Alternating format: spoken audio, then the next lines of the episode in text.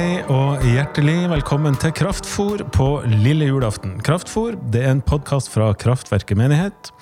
Og Jeg heter Kjetil Gilberg, og i dag så sitter jeg på kontoret sammen med Maria Bjørdal. Og Vi har lyst til å ønske dere ei riktig god jul med en liten sånn julespesial. Har vi ikke det, Maria? Jo, det er det vi vil. Det skal være både lettbeint og meningsfullt, dette her. Så det, det gleder jeg meg til. Det er alltid koselig å prate med deg om ting som er viktig.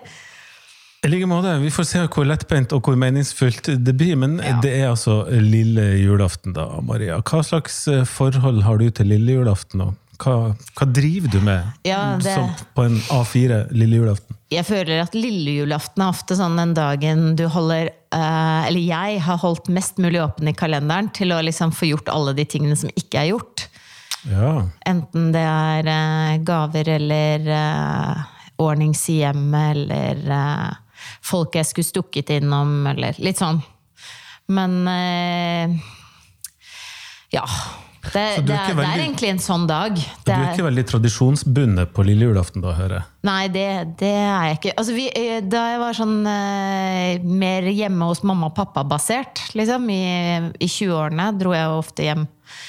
Var hjemme hos de da. Da hadde jeg en sånn greie Jeg lager en kyllingsalat på lille julaften, fordi det kommer til å bli så utrolig mye eh, kjøtt Ordentlig og mat. fett og sånn etter det, liksom.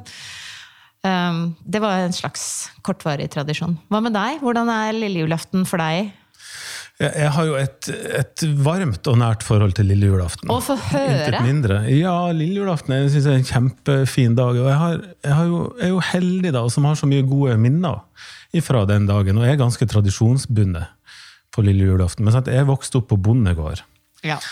Og på lille julaften da for jeg og far min og kanskje morfar når han levde, så for vi ut og så hogde vi juletre i skauen. Til oss og til mormor og morfar og til en nabo eller to.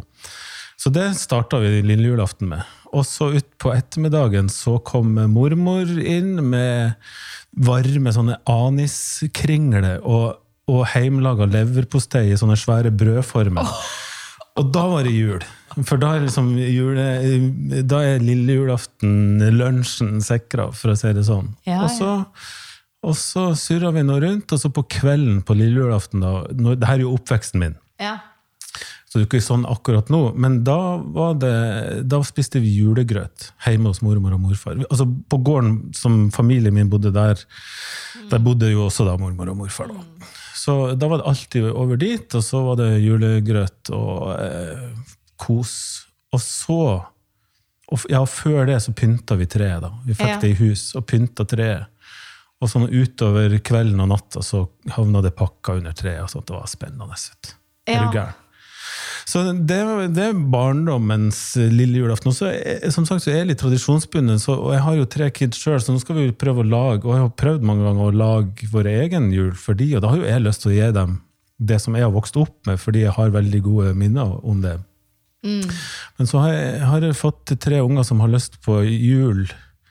Mest mulig jul tidligst mulig. Ja, de vil ikke følge rytmen helt. Nei. Sånn Nei. at eh, det er jo pynta til jul her som eh, allerede hjemme hos oss.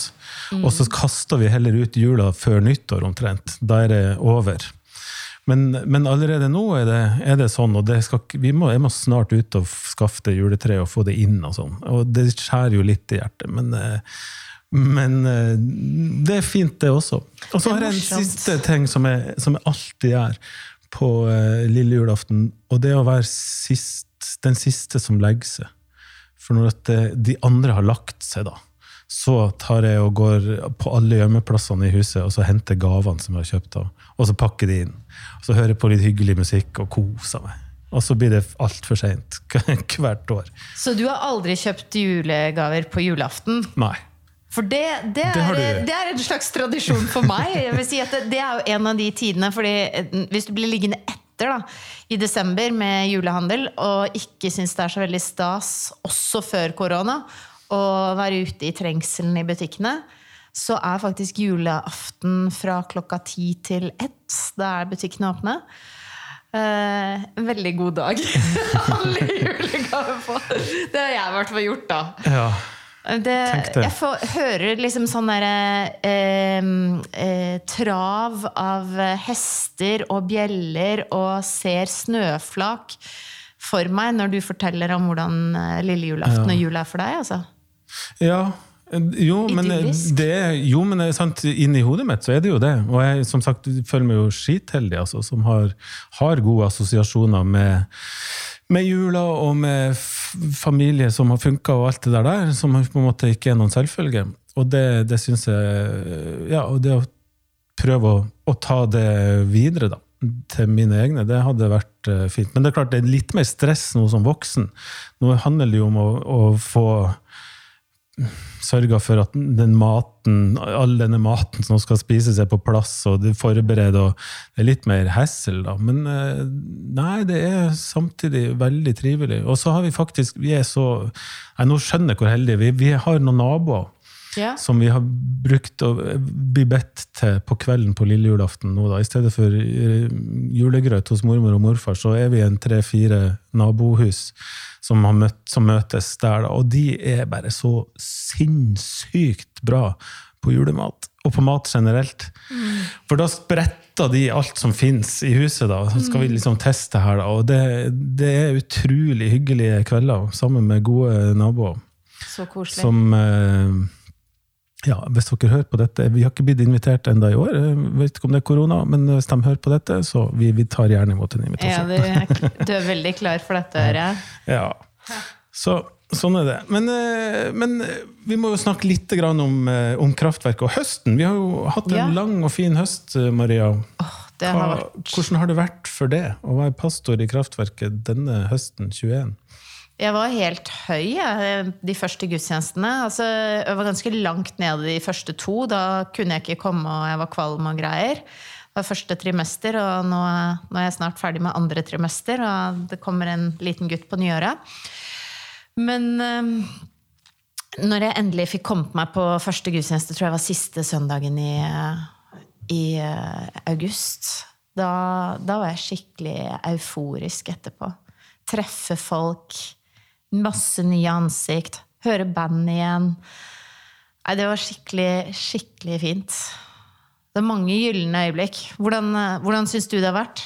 Nei, omtrent sånn. Mange gylne øyeblikk. Og så, og så opplever vel at vi er så bortskjemt med fine folk. Med flotte gudstjenester og disse bandene som spiller så flott. Og folk som bidrar. Og så, er det en sånn salig blanding av nye, unge folk og gamle travere, som ikke er så gamle, men eh, travere i hvert fall. Og jeg syns den kombinasjonen er fantastisk. Og vi var jo litt spent hvordan eh, pandemien har eh, Hva slags spor den skulle sette da, Ja. i, i folk, om de kommer tilbake eller sånn. Men vi har jo vært eh, i hvert fall like mye folk som vi var før pandemien. Og mange varme møter, syns jeg Jeg tror vi kan påstå at det virkelig har vært. Og det er mange som ikke har vært her så mye i høst, men eh, som har vært der mer før. ikke sant? Og det med å finne den der eh, rytmen og komme tilbake ofte i kirka, er det noen som syns er krevende. Men det var så utrolig koselig når vi har sett hverandre òg. Nå er det månedsvis siden. Altså, det har vært mange sånne fine møter. Og så mye nye, spennende folk som har kommet hit for første gang i høst. Ja. Det syns jeg har vært veldig meningsfullt. Og ikke bare for første gang, men for andre gang, og tredje gang, og fjerde gang, og femte gang. De har jo virkelig en god og spennende gjeng, da, Ja. med forskjellige folk som, som klorer seg fast her nå. Og det, det er jo en sånn som er utrolig motiverende. En liten ekstra julehilsen til de som er hjertelig velkommen, og vi er så takknemlige for at de har blitt med i høst. Ja. Men du, vi har, vi har ikke noe julegudstjeneste. Vi pakker sammen og, og sånn. Hva er tenkte ferie. Hva tenkte du om det, da? At vi eh, ikke gjør det? Nei, hva skal jeg si? Altså, sånn som det er nå, så tenker jeg at det er veldig naturlig. Men sånn hvis jeg skulle eh, eh, Det ville jo vært veldig stress å tenke på å skulle lage gudstjeneste i morgen. Eller eh, på første dag. Men eh, sånn på tankeplanet så tenker jeg jo at det, det er fint å være kirke som har gudstjeneste og gjør noe sammen. I disse dagene her, da. Men skal du i kirka på julaften sjøl? Ja, det skal jeg. Ja. Det, det er jo meg og Arne og Frans på tre år i år som feirer sammen. Og um, jeg tror dette er første gang han treåringen uh, uh, skjønner seg litt på hva som foregår, og kan leve seg litt inn i fortellingen. Så, så det blir uh, definitivt gudstjeneste klokka fire i Stinn brakke, sikkert. Ja, ikke sant? Ja. Det er jo det. Hva med dere? Jo, altså, jeg har jo ikke alltid syntes det er så kult å gå i kirka. Og Generelt? generelt. Men hele oppveksten min så har jo jeg tenkt at, eh, at julaften, den der, den tuller du ikke med. Og igjen da tilbake til, til oppvekst, byg, bygdeoppveksten min på denne, så, så samles jo hele bygda. Den lille bygda var der. Alle, man, alle var selvfølgelig i kirka på julaften. Og korpset, skolekorpset spilte julesalmene, og vi sang 'Glade jul' og alle disse greiene her. Og, og man skulle jo tro at man bare skyndte seg hjem fra kirka, men ble liksom stående kjempelenge og ønske folk god jul og skravl og sånt. Så det var en sånn ordentlig fint samlingspunkt. Nå bor jo jeg på Bekkelaget. Så Bekkelaget kirke jeg er veldig glad i den, da. Um, og gå dit. De har tre gudstjenester. I år blir det vel utendørs, som det var i fjor. Det er noe med smittetrykket som gjør det. Men uh, det er et lite sånn bygdesamfunn eh, oppå der. Jeg tenker på det som bygda mi eh, der oppe. Og det å se alle de her naboene, og de er veldig flinke da, selvfølgelig med, med musikalske krefter, enten er det Maria Mena eller Odd Nordstoga eller en eller annen sånn Wow. som bor der, som liksom inn, inne og gjør et eller annet som, som alle legger merke til. Men så På har de- På julaften, ja. Oi, så fint! Og så har de, har de fantastiske kirkemusikere, og det er jo engler og alt mulig rart i overalt, holdt jeg på å si. Ja, ja. Men det rører meg så innmari da, å se at, eh, at uansett hva forholdene har til tru, Mm. som jeg jo vet er ganske forskjellig i den gjengen som sitter der, så, så kan vi samles om dette her, da. Så jeg sitter jo der og sipper. Jeg kommer inn i der, og så krangler jeg meg til en plass og tenker at jeg har jo egentlig vært så mye i kirka at jeg kan må ta den dårligste plassen her. det er ikke farlig med meg. Så blir jeg jo sittende der med, med familien, og så jeg klarer ikke å prate, for jeg bare sitter og griner. For jeg syns det er så vakkert. Ja. Situasjonen er så flott. Jeg har litt lignende erfaring fra årene mine i Uranienborg. Eh, For jeg har jo bodd der, eller altså, vi flytta dit da jeg var 15 år. Og så har jo det på en måte vært eh, området mitt i Oslo de årene jeg bodde der borte i veldig, til langt inn i 30-årene. Så det er noen 20 år at det har vært eh, et sted som har forma jula veldig for meg, da. Ja, På hvilken måte? For Uranienborg, der er det jo masse som skjer. Ja, det Og er det har du vært med på. Jeg har vært med på eh, altså, sånn julaften eh, og, og um, oppbyggingen til julaften i Uranienborg. Det er på mange måter det som har eh, gjort julefortellingen interessant for meg. Jeg husker faktisk det var barn og gikk på barneskolen på skolegudstjenester, så syntes jeg det var utrolig kjedelig, og at det tok meg selv i flere ganger å tenke at det, jeg detter av etter det skjedde i de dager, at det ble utskrevet manntall. Og så bare boink. Og så kanskje kommer du inn igjen på en frykt ikke, eller eh, en stjerne, eller et eller annet sånt. Men det er ikke så lett å følge med i den fortellingen leses. Men du, for en start på en fortelling, da. Ja, det er, det er en god start. Så Den- god at den, Den helt, ja, det er jo liksom både den sier at det skjedde, og så liksom er det manntall og landshøvding og Kverinius, og plutselig er det Syria. Altså, det er jo veldig sånn det er en god start, men det er en historie som jeg i hvert fall syns jeg har hørt så mange ganger at den har liksom ikke egentlig festa seg. Men i Uranienborg så var det en prest som eh, har betydd mye for meg. Han heter Jan Oskar Utnem. Han starta med julespill. Og Og inviterte barnehager og eh, småtrinnene, eller de eh, minste i barneskolen, til å komme på sånn krybbevandring eller julevandring da, i kirka. Og da var det å kle seg ut, og det var musikanter med, og stasjoner rundt omkring i kirka. Starta liksom med å skrive inn med fjærpenn i manntall. Og en Maria og en Josef som gikk på vandring. Og traff også litt sånn fabelaktig. Jeg tror det var sånn slangetemmergreier plutselig. Og sånn, og så kom um, De vise menn og alt mulig sånn. da. Det, så det har jeg vært med på i flere år. Og det, når jeg holdt på med det, så begynte jo liksom de forskjellige Den lange vandringen de to menneskene var på. da, Og at det faktisk skjedde eh, en fødsel på et så uortodoks sted som liksom Der dyrene bor. Alt det ble mye mer virkelig, da. Og så fikk jeg til og med spille engel en gang. Har du lyst til å høre om dette, eller? Ja, det... Nei, det har jeg ikke lyst til. Nei, du vil ikke høre på meg. Det vil jeg veldig gjerne høre. Maria som engel i Uranienborg. Ja, men det er virkelig mitt eh, pinligste øyeblikk ever. Ja, Da vil vi i hvert fall høre om det. I uh, Tror jeg. Jeg tror faktisk det. At det er en av de pinligste tingene. Jeg skulle spille engel, og så er det Det er veldig flinke musikere i eh, Uranienborg. Um, organist og liksom alle Ja, masse dyktige folk, da. Uh, og så sier de sånn der Ja, Maria, og så når, når, eh, barna kommer og du er engel, så skal du synge 'Ære være Gud i det høyeste', som i liturgien.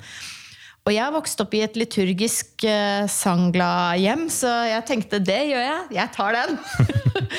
og så sitter organisten og spiller liksom sånn der uh, improvisasjon ikke sant? over ære være Gud i det høyeste, med lyse toner. Og jeg kliner til og bare tar tonen, men bare i hvert fall én oktav for høyt. og så det står der og liksom og flakser med hvit konfirmantkappe og synger Åh, det var så flaut! Og, så, og jeg liksom bare gjennomførte. Ja, for jeg skulle til å si det, du, du, tar, du gikk ikke ned en oktav, da. Du bare gønna på, du. Ja, jeg, jeg gjorde det. Jeg burde jo sagt stopp. Men så da sto liksom uh, Ja, de to tøffeste og flinkeste gutta i hele ungdomsarbeidet, som er kjempeflinke musikere begge to, og bare gapte og eh, skrattlo. Mens barna liksom bare å, var det sånn en engelsang? Liksom, var veldig, de var bare liksom forundra. Det var sikkert noen lærere som begynte å knise. Sånn. Nei, det var skikkelig Jeg blir flau bare jeg snakker om det. Men jeg fullførte med pipestemmen. Men du, Maria, når du nå er inne på, på eh, den slags Altså, eh, jula, den er veldig god hvis man har det godt. Mm. Og så kan den vel bli ekstra trist hvis man har det trist fra før.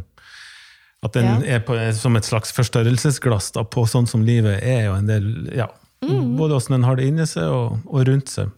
Ja, vi har jo har noen sånne tider som er sånn. Ja. Sånn høytider og festivaler og intensiverer veldig, da. Ja. Og, um, nei, jeg har triste juleminner. Ikke, jeg har mye idylliske juleminner òg, men jeg har noen skikkelig triste juleminner. Kan ikke du gi oss et ordentlig trist juleminne?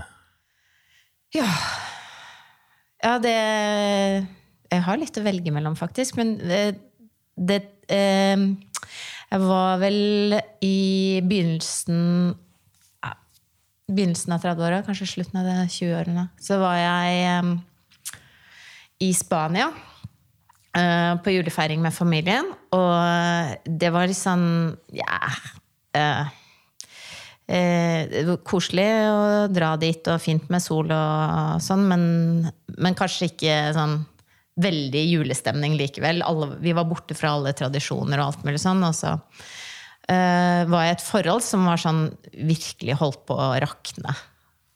Og jeg bare skjønte at dette her uh, var ikke liv laga. Og så gikk vi på julegudstjeneste, og jeg var bare så utrolig nitrist. For jeg bare skjønte at jeg hadde brukt masse tid på det, og at det ikke kom til å vare. Og, og så skulle jeg til, uh, reise til han fyren da, på andre juledag i Danmark, av alle ting. Så det var bare så ensomt og trist, og så sitter vi på sånn julegudstjeneste i en slags spansk gymsal. Og de spiller julesanger fra en sånn gammel boomblaster. Oi med CD. og den julepynten er så stygg at det er helt forferdelig. Og, og jeg forstår nesten ikke hva de som jobber der, sier. Jeg tror det var en svensk eller dansk gudstjeneste. Og så kommer det 'Mitt hjerte alltid vanker'. Ja. Uh, og det er jo den fineste julesalmen Ikke jeg vet sant? om. Faktisk. Den, den blir jeg nesten rørt til tårer av hver gang. Men den gangen så var det sånn at du er født her inne i hjertets dype grunn. Og så husker jeg bare at jeg sang inni meg. Det er en avgrunn. Det er bare en avgrunn. Jeg var så trist. Så det var bare sånn veldig kjærlighetssorg, livssorg. Det var veldig greit at det ikke ble noe med han fyren, egentlig, men, men eh, jeg var så trist. Jeg var sammen med familien min, og ja Trist, trist. Selv om det er mye fint. ja åh. Nei, nei, nå sank stemninga Ja, her, Maria. Men, eh, nei, Nei, men, Mm. sånn kan jula være. Det kan være veldig, veldig trist, og det blir veldig synlig for mange. Og Det får vi bare Ja, det må vi i hvert fall ha medfølelse Mm. for. Så, Ja, det er eh, Jeg tenker at det sånn er eh, Hvis man opplever noe trist i livet og har det tøft, så er jula krevende.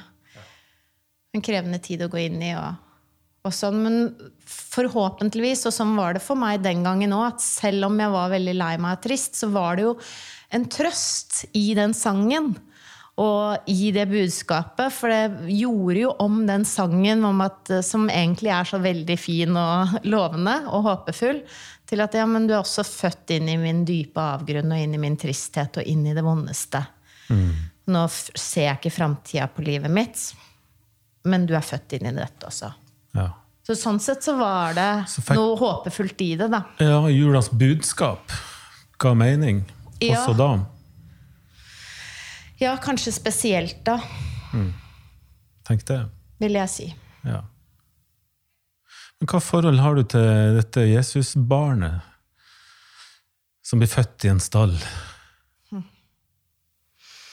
Nei, det har vært veldig fjernt på en måte. Altså det at det er et barn, og reelt sett eh, at Gud blir en del av skaperverket og blir en baby, har på mange måter vært litt fjernt. En idé som ble litt mer konkret da jeg fikk barn selv. Å ja, hvordan da? Nei det føl, altså, Han er jo ikke noe guddommelig, han, altså, men, men det føles jo helt mirakuløst å få barn. Um, skjønner ikke hvor det kommer fra, og hva, hva dette er, liksom. Så det, det, har, det å få barn syns jeg har gitt en slags um, større nærhet Jeg. Tenkte jeg at det var sånn, da. Som den babyen jeg en gang holdt i Lille Frans. Sånn skal At Gud var så liten en gang i historien, var en del av menneskeheten. Det er det vi tror på, da. Det, det syns jeg er spesielt. Hva slags forhold har du til den store ideen? For da er vi jo litt over på juledagen, da. Og fortellingen eh, blir ikke bare liksom en gjenfortelling av det som skjedde, men det er en stor idé som skal formidles, at Gud har blitt en av oss. Ja, det er akkurat det. For julaften, når du går i kirka på julaften og leser juleevangeliet, så er det, Ja. det er så innmari konkret og sånn barnslig, da. Eller barnlig? Barnlig, ja. Det, det en, som gjør at ungene eh, trives i eh, kirka på julaften, fordi det er engler, og det er hyrder, og, og det er krybbe og sauer og geiter, jeg vet ikke hva. sant? Eh, så det er en sånn veldig flott historie, men, men liksom, hva betyr det? Det å, å bli voksen, da liksom Ta inn over seg at dette barnet er Gud, og at dette barnet altså Hva er dette her for noe? Det er jo helt far out. sant? Men jeg hørte, jeg hørte for noen år siden en, en eh, kollega og venn da, som, som eh, forklarte det på en måte. altså Andreas Segertun, for Ja. han, han er leder for ei lita husgruppe nedi gata her. Philadelphia-kirka heter den. Eh, Men han, han jeg hørte han uh, si at, fortelle om en forfatter da, som heter Dorothy Sawyers, eller noe sånt, som, eh, som var Og dette er for lenge siden. Hun var den første dama da, som ble uteksaminert fra universitetet i Oxford. Hun så, I tillegg til dette her, da, var jeg godt utdanna, så skrev hun krimbøker. Ja. Og så ble hun kjent da, for en serie bøker og skrev om en, en detektiv som heter lord Wimsey.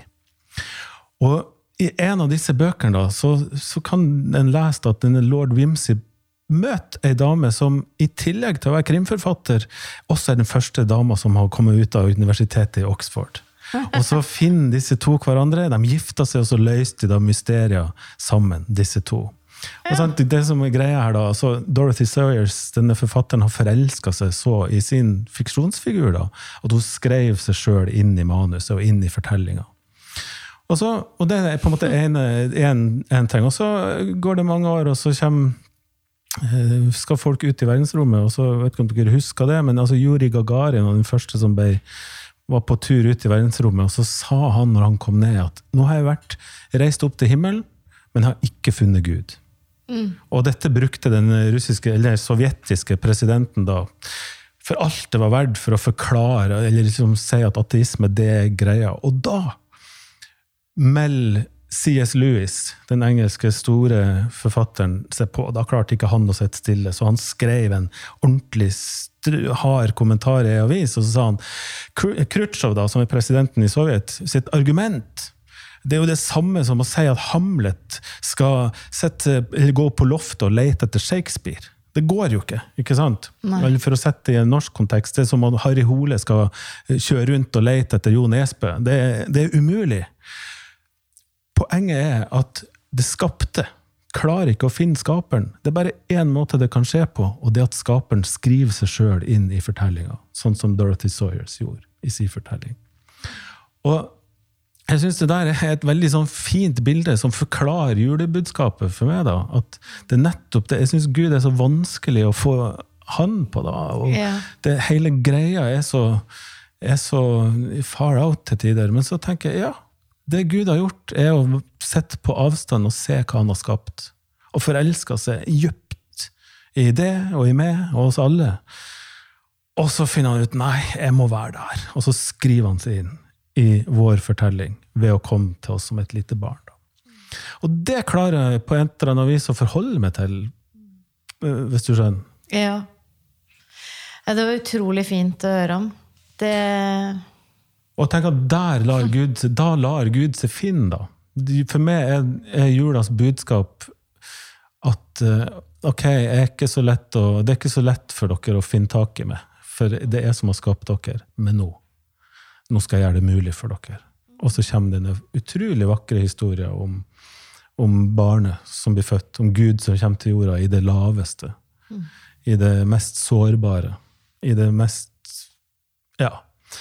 Som eh, Ja, jeg håper lever i mange år til, for det, dette tar det mange mange år å bli klok på og fordype seg i. Men jeg syns i stedet for at det er en eh, uforståelig historie, så blir det et, et, et mysterium som, som jeg ikke klarer å forholde meg til, så er det et mysterium og en historie som jeg trives veldig godt med etter hvert.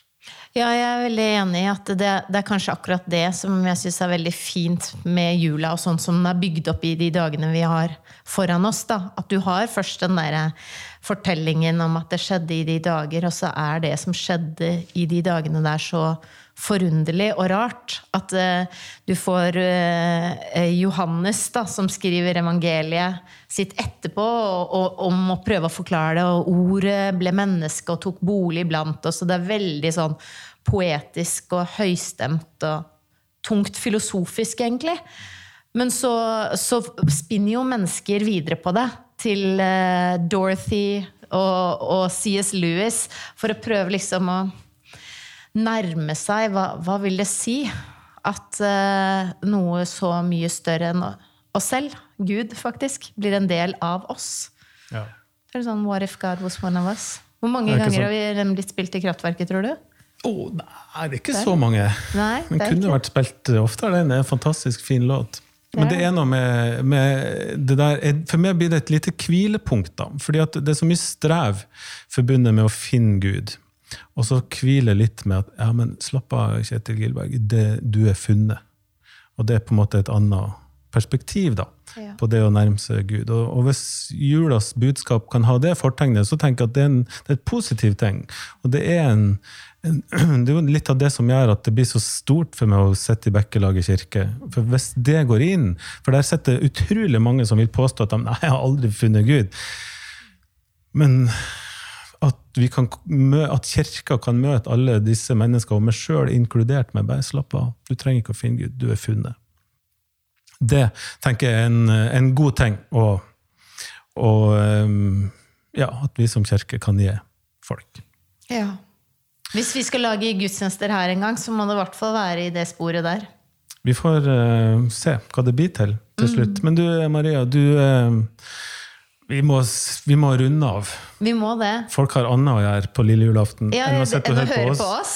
Sånn at, det, eh, det tror jeg òg. Ja, Altså, hvis noen har julegavehandel som ikke er gjort, liksom, har du noe eh, julegavetips eh, til siste minuttet? ja, der er, altså Gave er jo ikke min nådegave, er det det, eller hva det heter.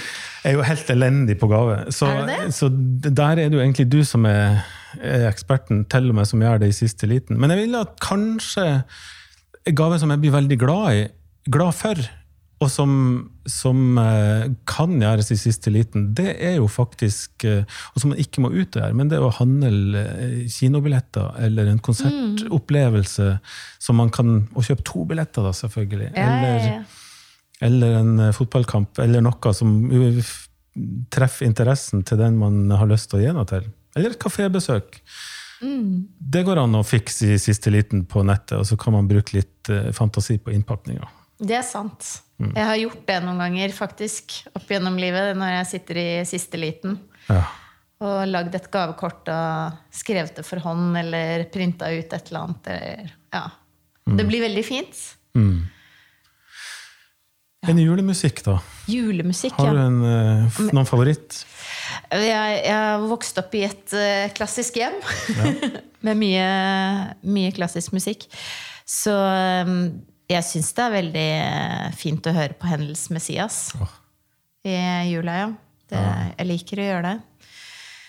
Uh, og så er det den um, juleplata til Mahalia Jackson, 'Silent Night', har jeg hørt også veldig mye på i, eh, i eh, ja, mange år. Det er egentlig nesten en slags tradisjon. Ja. Hun har så innmari barka stemme og er nydelig. Gospeldame, det. Gospeldame som synger 'Silent Night' og 'Go Tell It On Mountain'. Veldig. Ja. Oh, det høres fint ut. Den kjenner jeg ikke til. Den Nei, den må jeg du søke ut. opp. Oi, det Ja. var gøy at jeg kunne gi deg Ja, det kan du vel selvfølgelig. Ja, men jeg lever jo på dine musikktips i lang tid etterpå, så nå må jeg høre hva, hva vil du anbefale meg Ja, å spille skal på julaften? Nei, på julaften så er det jo ingenting som slår et skranglete og uh, enga skolekorps som spiller Glade jul. Enga skolekorps. jeg tror ikke de har noen eh, Jeg tror ikke de har noen utgivelser. Men det var de som spilte jeg noterer, men det, er, det var jo ikke det nødvendig. det var ikke nødvendig. Nei, det er jo heimbygda. Korpset. Skolekorpset. De, Ikke sant? det skrangler og går. Og ett Ja. år er de brukbare, og neste år er de helt forferdelige. Og så er de bra igjen. og sånn. Men det er jo jule, da er det jul for meg. Men hvis jeg skal sette på noen ting, så ja, Hendels Messias er fantastisk. Mm. Men det ville jeg ikke ha kommet på hvis ikke du sa det. Jeg syns Sofian Stevens har mm. ei veldig fin juleplate. Eller det er vel egentlig mange EP-er som er samla, men der er et par gullkorn der som jeg blir ordentlig glad i. Mens den juleplata som surrer mest i heimen Men det er litt fordi kona mi òg er så glad i den, men det er Sondre Bratland. Ja. Jeg husker ikke i farta hva den heter, men han, det er så sakralt. Julenatt, Ja, eller sånt. Det skrives ikke jul der. Nei, det gjør ikke det. Men han synger jo. Han, han synger, du er en folkemusiker er som synger som synger helt utrolig fint. Og så er det, det er sånn høytid, og så er det så vakkert. Og så er det ikke sånn, der, det er ikke sånn snødryss og kos over det. Det er litt alvor. Så det er noe vemodig vakkert. Ja, for det, det er jo det der skurret, liksom. Mm. Både musikken og alt det som tillater rom for at det, det skurrer litt Ikke sant? også. Og at det kommer noe vakkert midt i det. Nå skal vi ønske folk ei god jul, da, som med minst mulig skurr. Minst mulig skurr Ønsker om og minst eh, mulig skurr. Og, fred på jord Ja. og fryd blant mennesker. og så håper jeg at vi ses i kraftverket på nyåret. Det håper jeg òg. Ja. Alt godt. God jul. Kraftfor en podkast fra Kraftverket menighet, leda av Maria Bjørdal og Kjetil Gilberg. Lydtekniker i dag har vært Ruben Oma. Og Kraftverket menighet har gudstjenester på Bislett hver søndag klokka 17. Ønsker du å støtte Kraftverket økonomisk, så kan du vippse til 10393. Og vil du gi fast til drifta av kraftverket, så kan du gå inn på gitilkraftverket.no. Abonner gjerne på Kraftfor og tips andre om podkasten.